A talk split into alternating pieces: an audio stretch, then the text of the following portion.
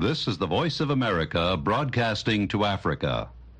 The following program is in Hausa.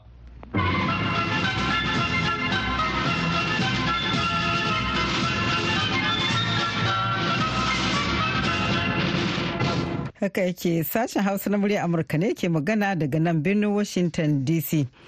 Masu sauraro Assalamu alaikum. Barkamu kuma da kasancewa tare da ku a wannan shiri na yau laraba shi daga watan biyu a shekara ta 2024 da fatan an waye gari lafiya. Alheri grace abdu ce tare da maryam dauda da sauran abokan aiki ke farin cikin kasancewa tare da ku da safe yau. Kafin ku ji abin da muke tafa da shi ga maryam da kanin labarai. A jiya talata wata kotun ɗaukaka ƙara a birnin Washington ta yanke hukuncin cewa tsohon shugaban Amurka Donald Trump bai da kariya daga tuhume-tuhumen da ake masa na yunkurin sauya sakamakon zaɓen shugaban ƙasa na shekarar 2020. Sakataren harkokin wajen Amurka Anthony Blinken ya faɗi cewa shugabannin ƙungiyar Hamas sun mai da martani akan kudirin kulle yarjejeniyar sakin sauran mutanen da aka yi garkuwa da su a Isra'ila. Mayaƙan Houthi da ke samun goyon bayan Iran sun sake yin watsi da kiran da Amurka ta yi akan su daina kai hare-hare kan hanyoyin jiragen ruwa na ƙasa da ƙasa. To kamar yadda kuka ji a gabatarwa wannan hukuncin da kotun ta yanke jiya dangane da batun kariyar tsohon shugaban kasa Donald Trump na ci gaba da ɗaukar hankalin al'umma. To sai dai masu fashin baki da kuma kula da lamura na cewa wannan ba zai shafi takarar shi ba ko menene dalili? Saboda akwai yan republican da suke goyon bayan donald trump ko me zai yi ga alamu ma kuma goyon bayan sa ya kara karuwa tsakanin yan republicans masu ra'ayin ruka kuma da wani abu ina ji zai kara taimaka mishi ne wajen wato tara kuɗi taimakon kuɗi za su aiko mishi saboda wanda zai taimaka mishi wajen ko shari'arsa To kamar kowace laraba Murtala Faruk Sanyina zai shigo da shirin baki mai yanka wuya wanda a yau ya haska fitila kan batutuwa da suka hada da. Matsin tattalin arziki da kuncin rayuwa ya so mu haddasa zanga-zanga a najeriya. Matakin ɗage zaɓe da shugaban ƙasar senegal Macky Sall ya ɗauka na ƙoƙarin jefa ƙasar a cikin wata dambarwar siyasa. To amma kafin mu kai ga waɗannan duka ga maryam da halin da duniyar ta wayi gari. Jama'a assalamu alaikum ga cikakkun labaran. A jiya talata wata kotun ɗaukaka ƙara a birnin Washington ta yanke hukuncin cewa tsohon shugaban Amurka Donald Trump bai da kariya daga tuhume-tuhumen da ake masa na yunkurin sauya sakamakon zaɓen shugaban ƙasa na shekarar 2020 don ya ci gaba da zama a kan karagar mulki. Hukuncin da dukkan alkalan kotun uku suka yanke ya yi watsi da ikirarin Trump na cewa lauya na musamman Jack Smith ba zai iya tuhumarsa ba akan matakan da Trump ɗin ya ɗauka gab da kammala wa'adin shugabancinsa. Na neman sauya nasarar da Joe Biden na jam'iyyar Democrat ya samu saboda a lokacin matakin na da alaka da aikinsa a matsayin shugaban kasa. A tuhume-tuhume guda huɗu da ake masa smith ya zargi trump da amfani da ikirari mara tushe na cewa an yi magudan zaɓe don tursasawa jami'an zaɓen jihohi da ma'aikatar shari'a da mataimakinsa mike pence a kan su hana majalisar dokokin ƙasar tabbatar da sakamakon zaɓen da ya nuna ya sha kayi. Sakataren harkokin wajen Amurka Anthony Blinken ya faɗa a jiya talata cewa shugabannin ƙungiyar Hamas sun mai da martani akan kudirin kulla yarjejeniyar sakin sauran mutanen da aka yi garkuwa da su a Isra'ila da nufin a tsagaita wuta a yaƙin Gaza. Ya ce Amurka tana nazari sosai akan martanan kuma za ta tattauna akan batun a yau Laraba a Isra'ila. A yayin wani taron manema labarai a birnin Doha. Blinken ya faɗawa manema labarai cewa an sanar da isra'ila martanan da hamas ta mayar a kan kudiran a birnin washington kuma shugaban amurka joe biden ya ce kamar mayaƙan sun zaki a martanan da suka maida ya kuma ce ana ci gaba da tattaunawa. Babban jami'in diflomasiyyar na amurka ya tattauna da shugabannin ƙasashen masar da qatar a jiya talata a daidai lokacin da ake ƙoƙarin ganin an tsagaita wuta na dan lokaci a gaza da kuma ƙara kai agajin jin kai ga falasɗinawa farar hula. Mayaƙan hufi da ke samun goyon bayan iran sun sake yin watsi da kiran da amurka ta yi akan su daina kai hare-hare akan hanyoyin jiragen ruwa na ƙasa da ƙasa ko kuma su fuskanci sakamako. A wannan karan mayaƙan sun harba makamai masu linzami da ke auna jiragen ruwa guda shida daga yankunan da hufi ke iko da su a yemen zuwa cikin tekun bahar maliya. Abinda wani jami'in amurka ya faɗawa muryar amurka kenan. Jami'in wanda ya nemi a saka sunansa ya ce sojojin ruwan amurka sun harbo akalla ɗaya daga cikin makaman a jiya talata a yayin da wasu kuma suka fada a cikin teku a cewar wani kamfanin kula da harkokin tsaro na birtaniya mai suna ambre ɗaya daga cikin makaman ya lalata gefen wani jirgin ruwa na birtaniya a yayin har-haren na jiya talata To kuna sauraron labaran ne daga nan sashen Hausa na muryar Amurka a birnin Washington DC. To kada yi nisa nan gaba kaɗan Maryam za ta sake shigowa da ƙarin labaran duniya amma kafin nan bari mu koma a taskar rahotanninmu kan wannan batu na hukuncin da wata kotun ɗaukaka ƙara ta yanke a jiya dangane da cewa tsohon shugaban ƙasar Amurka Donald Trump ba shi da kariyar shugaban kasa to taka na nemi sanin tasirin wannan hukunci da kuma yadda zai shafi burin tsohon shugaban kasa na sake tsayawa takara a hiranmu da aminu yakubu lame wani dan najeriya da ke nan a amurka. A yanzu haka inda wato akan wato wannan hukunci da kotu ta yanke ban tsamman zai shafe shi sosai ba. Saboda akwai republicans da suke goyon yan republicans da suke goyon bayan donald trump ko me zai yi? Ban tsamman za su wa za su ki goyon bayansa ba. Saboda haka wannan ba zai shafe sosai ba. Watakila akwai wataƙila zai iya yiwa in aka ci gaba ya zama har an je wajen shari'ar nashi kuma ya zama cewa an kai shi an ce an yanke hukunci zai je kurkuku. To na san a nan a wannan lokacin zai akwai waɗanda ba su ba goyon bayan shi. Amma yanzu haka yadda akan da wannan hukuncin mai tsamman zai ga alamu ma kuma su goyon bayansa ya kara karuwa wato a tsakanin 'yan republicans masu ra'ayin riƙa wanda suke goyon bayansa. Saboda haka ma da wani abu ina ji zai kara taimaka mishi ne wajen wato tara kuɗi taimakon kuɗi za su aiko mishi saboda wanda zai taimaka mishi wajen ko shari'arsa. Don yana akwai shari'o'in da yawa da kotu daban-daban da yake da shi a cikin wannan shekara zuwa shekara mai zuwa. To saboda shi yasa nake gaba zai wannan dai ba zai zama ba zai shafi shi sosai har ya zama na cewa ya shafi sha'anin takararsa ba.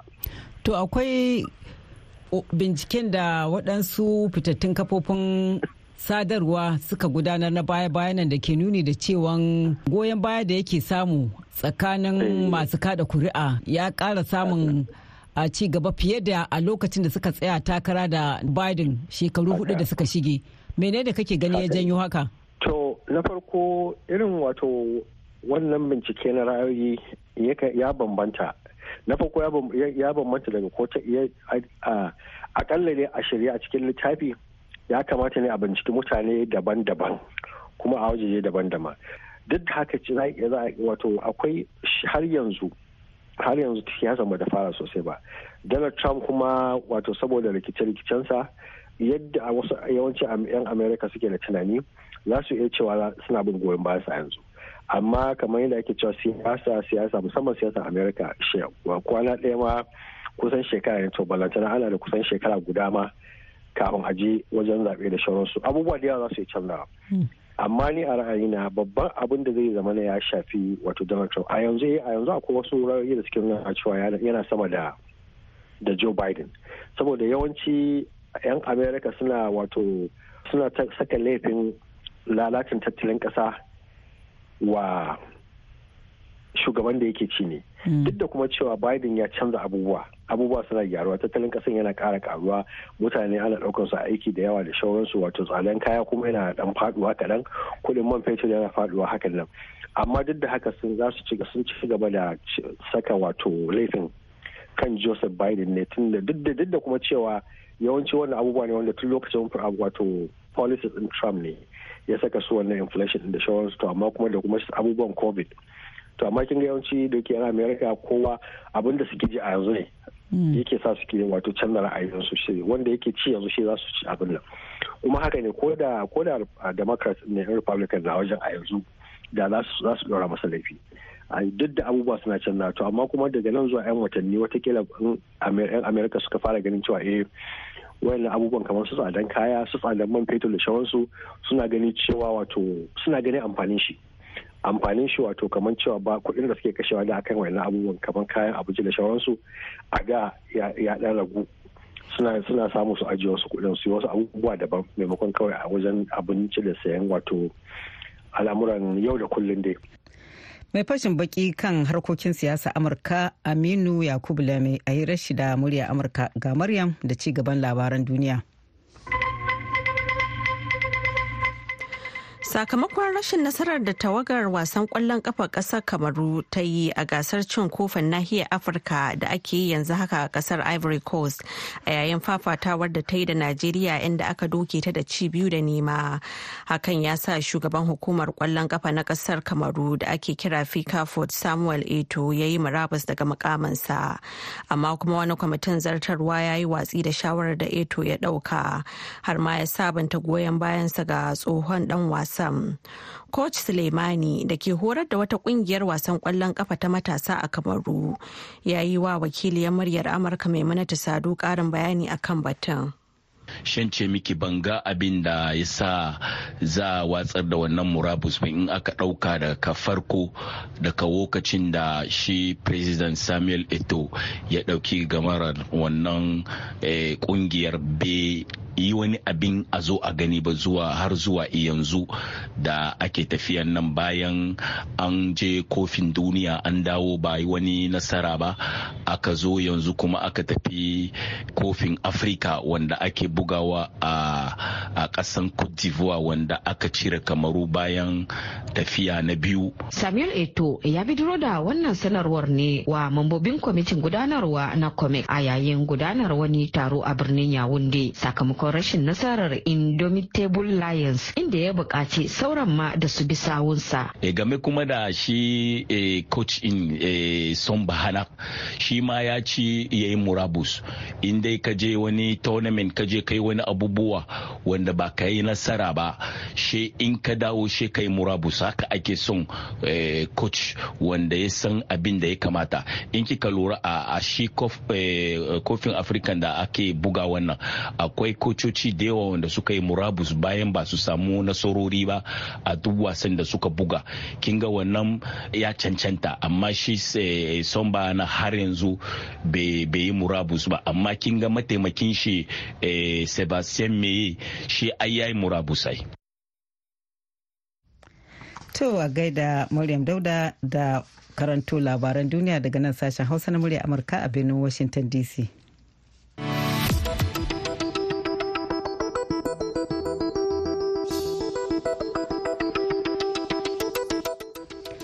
Madalla har yanzu kuna tare da sashen Hausa na murya Amurka da ke watso shirye-shiryen kai tsaye daga birnin Washington yanzu ga Murtala Faruk Sanyina da shirinmu na gaba. baki mai yanka wuya.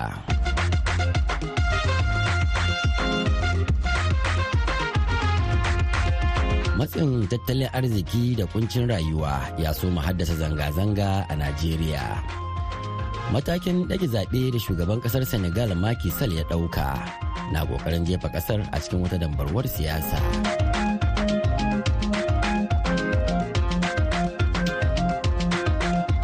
Jama'a Assalamu alaikum. Tun bayan sanarwar janye tallafin man fetur da gwamnatin Najeriya ta shugaba Bola Ahmed Tinubu ta yi a ranar da aka rantsar da shi a watan Mayun da ya gabata. 'Yan ƙasar suke korafin tsananin rayuwa da tashin farashin man fetur ya haifar wanda kuma ya shafi farashin kayayyaki. Manazarta na cewa kuma lamarin na ta ƙara kamari kawo yanzu. Musamman tashin goron zabi da farashin kayan masarufi suka yi kazalika da taɓarɓarewar darajar kuɗaɗen ƙasar na naira idan aka kwatanta da canjin dalar amurka wani lamari dai a cewar wasu ɗaruruwan mutane da suka gudanar da zanga-zanga a jihar niger da ke arewacin ƙasar na ƙoƙarin shige makaɗi da rawa. Sunana aisha jibril.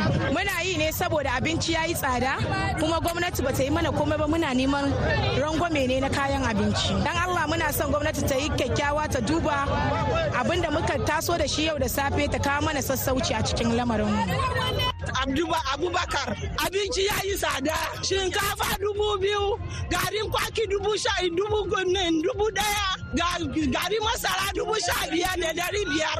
Ana sai da duka duk kowa na sai da abin da ya ga dama. Gashi muna february abincin gona na fitowa komi na tsada. Ni tun da na fita duniyan nan ni ne ban taba ga irin wannan ba.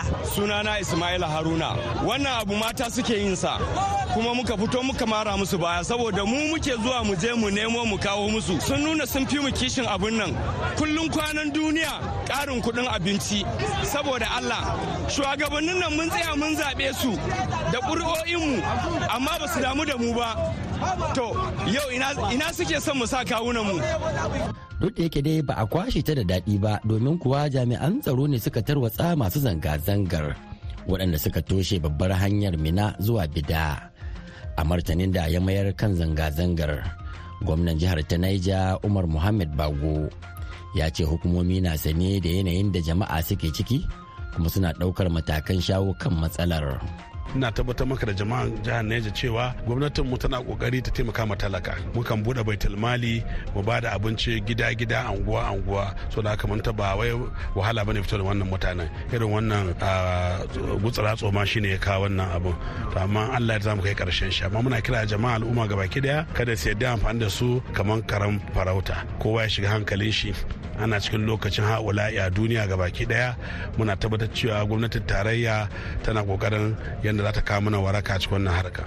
To sai dai mai fashin baki kan lamuran yau da kullum Comrade Idris unguwar Gini yana ganin cewa wajibi ne gwamnati ta yi duba kan matsalolin da 'yan ƙasa suke ciki domin ɗaukar matakan da suka dace. Wannan yana nuna ma cewa yanayin da ake mulka al'umma a ƙasar nan ba daidai ba ne. ba zai ba za in gwamnati ba ta gaggawa ɗaukar mataki ba abin ba zai mana daɗi ba. Idan kana magana mataki me ya kamata a yanzu tunda wataƙila abubuwan za a iya cewa da yawa. Abin yin na farko gwamnati ta san yadda za ta yi kayan abinci ta karya shi. kamfanin da suke na cikin gida suke production na abinci ta ba su support na su abinci da a karyayyen kuɗi. Misali dangote yana yin taliya. Abu sama yana yin taliya yana yin makaroni suna yin mai gwamnati ta jito kuɗi ta ba su ce gashi nan ku mana producing abinci a kan lokaci ta bazo shi kasuwa ta karya shi ta ce kai ya wuce kaza.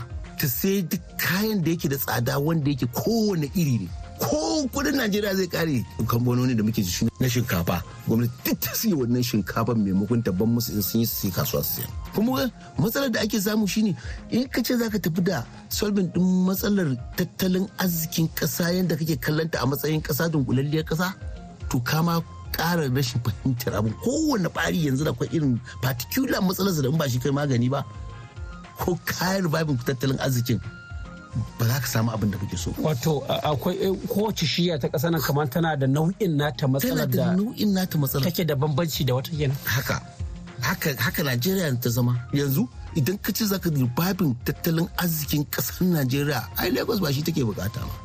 Idan ka ce kana son ka ribabin tattalin arzikin ƙasar najeriya ai ƙasashen kudu maso gabas ba su suke buƙata ba. Amma akwai kuma tattalin arzikin da za ka yi ribabin wanda ko ina an kai shi zai taba ko ina yanzu ba rana ɗaya shugaban kasa ya ce ya cire subsidy. Tun da ya cire tallafin mai komai ya ruguje. Inda zai daure tun da ya yi wannan abin nan decision din mai zafi. Sai ya ce to saboda tattalin arziki ya shiga wani yanayi da ake ciki a yanzu ya yafe wa dukkanin wani kamfani da yake production a Najeriya da kuma duk wani karɓar haraji tsawon wata shida ko shekara ɗaya don wannan su amfani da shi gurin revival ɗin tattalin arzikin su. Fi aga sai ya zama to wannan kamar shine palliative na kamfanoni. Sai zama wannan shine palliative na 'yan kasuwa. Sai ya zama to wannan shine palliative na ƙananan masana'antu. haka gwamnonin kowane jiha ya kamata su yi inda kowa ke ji a jiki ita ma gwamnatin ya kamata a ji ta ji a jiki sai ta ce duk wani nau'i na haraji daidai da harajin da ake ɗauka a ma'aikata na albashi ta ce ta yafe tsawon wata shida.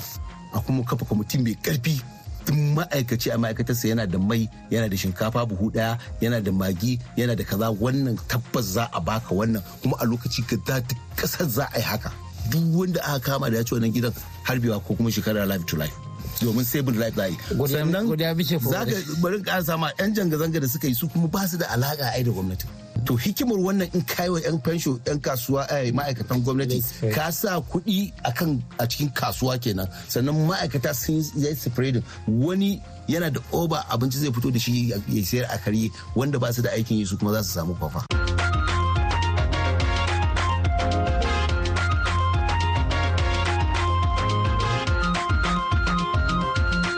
Wata sabuwar dambarwar siyasa ta kunno kai a ƙasar senegal bayan da a farkon makon nan shugaban ƙasar Macky Sall ya ba da sanarwar ɗage gudanar da zaɓukan ƙasar da aka shata gudanarwa a ranar 25 ga watan nan na Fabrairu. Sanarwar ta zo ne a jajiberin ranar ƙaddamar da gangamin yaƙin neman zaɓe a faɗin ƙasar. Yayin da kuma 'yan ƙasar suke ɗokin zuwan ranar domin zaɓen sabbin shugabanni. Lamarin da kenan ya sa wasu 'yan jam'iyyun hamayya tara tarzoma da nufin kalubalantar matakin ɗage zaɓen da suke fassarawa a matsayin juyin mulki. mai fashin baki kan harkokin siyasa abdulrahman alkasum ɗan ƙasar nijar da yanzu haka yake a birnin dakar ya yi bayanin dalilin da suka sa shugaban ƙasar ya ɗauki wannan mataki to suna abubuwa da suke faruwa ana iya cewa wasu abubuwa ne wanda rabon da su faru irin su a ita ƙasar senegal ta 1963 sanin kowa ne cewa ita senegal tun 1948 suka fara zaɓuɓɓuka na gama gari wanda ke hada jam'iyyoyi da dama a kasan sauran ƙasashen afirka wanda ana iya cewa demokuraɗiyya ba ta tabbata ba. Sai bayan tarurrukan ƙasa da aka yi na 1989 kamar irin na benin republic da sauran ƙasashe daga 1990 to wani abu ne wanda za a cewa na bazita gama garin mutane wanda kawai gito shugaban kasa ya jawabi ya ce za a dage zaɓe. Amma abubuwan da suka biyo bayan haka ana iya cewa an samu wasu matsaloli na rashin yarda tsakanin hukumomin ƙasa majalisar dokoki da kotun tsarin mulki wanda ke cikin wani abu irin na bazita aka samu wata haɗin gwiwa ta tsakanin jam'iyya wadda ake ce fedes ta tsohon shugaban kasa abdullahi wad wanda dan shi yana daga cikin 'yan takarar shugaban kasa wanda ba a tabbatar da takarar shi ba saboda yana da fasfo guda biyu. Yana da fasfo na ƙasar faranshi yana da fasfo na ƙasar senegal. Shi kuma tsarin mulkin senegal bai yarda da a kasance ba a zaɓi shugaban ƙasa wanda ke da fasfo guda biyu. An samu zanga-zanga cikin gari ko cikin ƙasa um, amma abin da ake iya cewa abu biyu ne su jam'iyyoyi na adawa ko jam'iyyoyi masu 'yan takarar shugaban ƙasa akarin su abin da suka ɗauka um, za a fara kamfen a yau wayewar sahiyar gobe. Saboda haka su riƙe tsarukan su na bisa kan haka amma al'ummar gari suka bazama cikin wurare da dama ungoyi da dama na cikin garin dakar da suke nuna ba su amince ba da haka. Kuma magana ita majalisar dokoki ba ta da hurumi musamman kamar na kara ma shugaban kasa wa'adi ko hurumi na ɗage zaɓe. Kuma a dokokin ƙasai shi shugaban ƙasa yana iya kiran ranar fara yana iya kiran zaɓe amma baya da hurumi na hana yin zaɓe. Kotun tsarin mulki ita kaɗai ke da wannan hurumin. Kuma ita zauwa yanzu ba ta yi hakan ba kuma banda shi akwai magana ta yarda ana zargin wasu daga cikin mutanen kotun tsarin mulkin guda biyu akan sun amshi cin hanci sun tabbatar da takarar wata mace wadda ake kira da suna rose wadda ita kuma tana da takardu ita ma na zama 'yan wata ƙasa. An shiga wani hali na bazita bayan da abubuwan da aka gani 'yan shekarun da suka wuce na zanga-zanga da na kame 'yan adawa da dalmar shugabannin su da hana wannan da wancan takara. Wannan shine kuma ana iya cewa gaba ɗaya ma demokradiyyar ta afirka ta yamma ta shiga gaskiya halin tangal-tangal kuma ana iya cewa kwalo-kwalo na ecowas. To idan ba a hankali ba ya ɗauki ruwa saboda bayan ya yi ma shi wannan kwalo-kwalo na ecowas da magana na tazarce irin na cote d'ivoire da guinea aka samu matsaloli kuma um, da suka biyo baya na canza hukumomi um, bayan juyin mulkin soji bisa kasa wasu wa'annan hukumomin da ake zargi bisa tunkarar matsalolin tsaro. Yanzu kuma um, wani daga cikin wanda shi ya tsaye bisa kan duka matsalolin da wasu ƙasashen ke fama yau ga shi ma ga halin da suka hwada ƙasar senegal ta hwada na gaskiya ana iya cewa ma hali ne wanda yawa ana iya cewa babu hukuma kuma tsarin mulki ma gaba ɗaya mai da shi gangan kuma hukumomin na demokaradiyya su ma sun koma gangan. Tuni da da ƙungiyar raya ƙasashen afirka ta yamma ta ecowas ko sidiyawo ta fitar da sanarwa tana cewa tana sa ido kan lamarin na ƙasar senegal tare da alwashin ɗaukar matakin da ya dace idan damar hakan ta taso. To sai dai a ra'ayin masu fashin baki irin dr abba sadiq jami'i a cibiyar nazari da bincike kan lamuran yankin sahel. Wannan sabon al'amari ne da ba taɓa ganin irinsa ba a ƙasar ta senegal. Eh, lalle wannan mataki da shugaba makisal ya ɗauka na ɗaga zaɓe mataki ne mai kawo mamaki kuma mai kawo rududiya a ƙasar senegal da kuma ƙasashe wanda suke kallon abin da yake faruwa a senegal. Saboda lokacin da ya zaɓa na ɗaga zaɓe ranar kaman washe gari za a buɗe kamfani na zaɓen to shugaban makisal ya daga zaɓe kuma ba a kan wata ka'ida ta ba shi wannan uzuni na daga zaɓe ba. Saboda kamar yadda kundin tsarin mulki yake a ƙasar senegal lokacin aka ce an yi zaɓe kuma shi hukuma wadda take iya cewa zai ta takara ya sun riga sun gaya takara ba wanda yake iya dawowa ya ce sai an buɗe wannan shari'a ta wanda za a sa wanda aka ba izinin su ta takara na zuwa shugaban ƙasar senegal. To saboda haka ne abin da shugaba makisa ba a taba gani shi ba ba a taba yin shi ba a senegal. Ba a taba cewa ba an sa ranar zaɓen shugaban kasa an daga shi tunda senegal ta samu mulkin kanta yau shi da shekara 64 za a ce. To shi ne sa yanzu kaman ya sa ƙasar shi cikin ba wanda ya san abin da yake iya faruwa gobe. Abu ne wanda babu shi cikin tsarin mulki na senegal kuma ba a taba ganin shi ba. Kenan ya zamanto ba wanda ya cewa ina senegal ta kwana gobe. Tun da shi shugaba maki sal baya cikin takara ba shi da wani izinin cewa a yanda kundin zaɓe yake a ƙasar senegal ya ce ya ɗaga zaɓe saboda akwai wanda ba a sa ba kuma saboda ko wani tashin hankali. Yanzu an ɗaga zaɓe. Ba a san lokacin da za a yi wani sabon zaɓe ba. Tsarin mulki na senegal ya ce wata na april da kwana biyu makisal ikon shi ya ƙare. Mulkin shugaban makisal ya ƙare yaya za a yi kenan? Wane ne shugaban ƙasar senegal? Shi kundin tsari na senegal wanda aka cema constitution ya ce a senegal ba a iya ƙara ma shugaban ƙasa ikonsa da ko kwana guda kuma ba abin da yake iya sa a yi haka.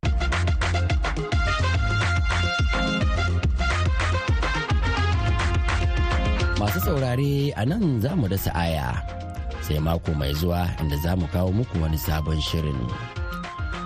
Godiya ga wakilan sashen Hausa Suleiman Muni Barma, Mahmud Ibrahim Kwari da Mustapha Nasiru Batsari. Sai Dadi Balawe da ya daidaita mana sautin shirin. Murtala Faruk Sanyin na ke muku sallama daga Washington DC. To a gaida na sanyin na kafin mu karkare ga takaitattun labarai.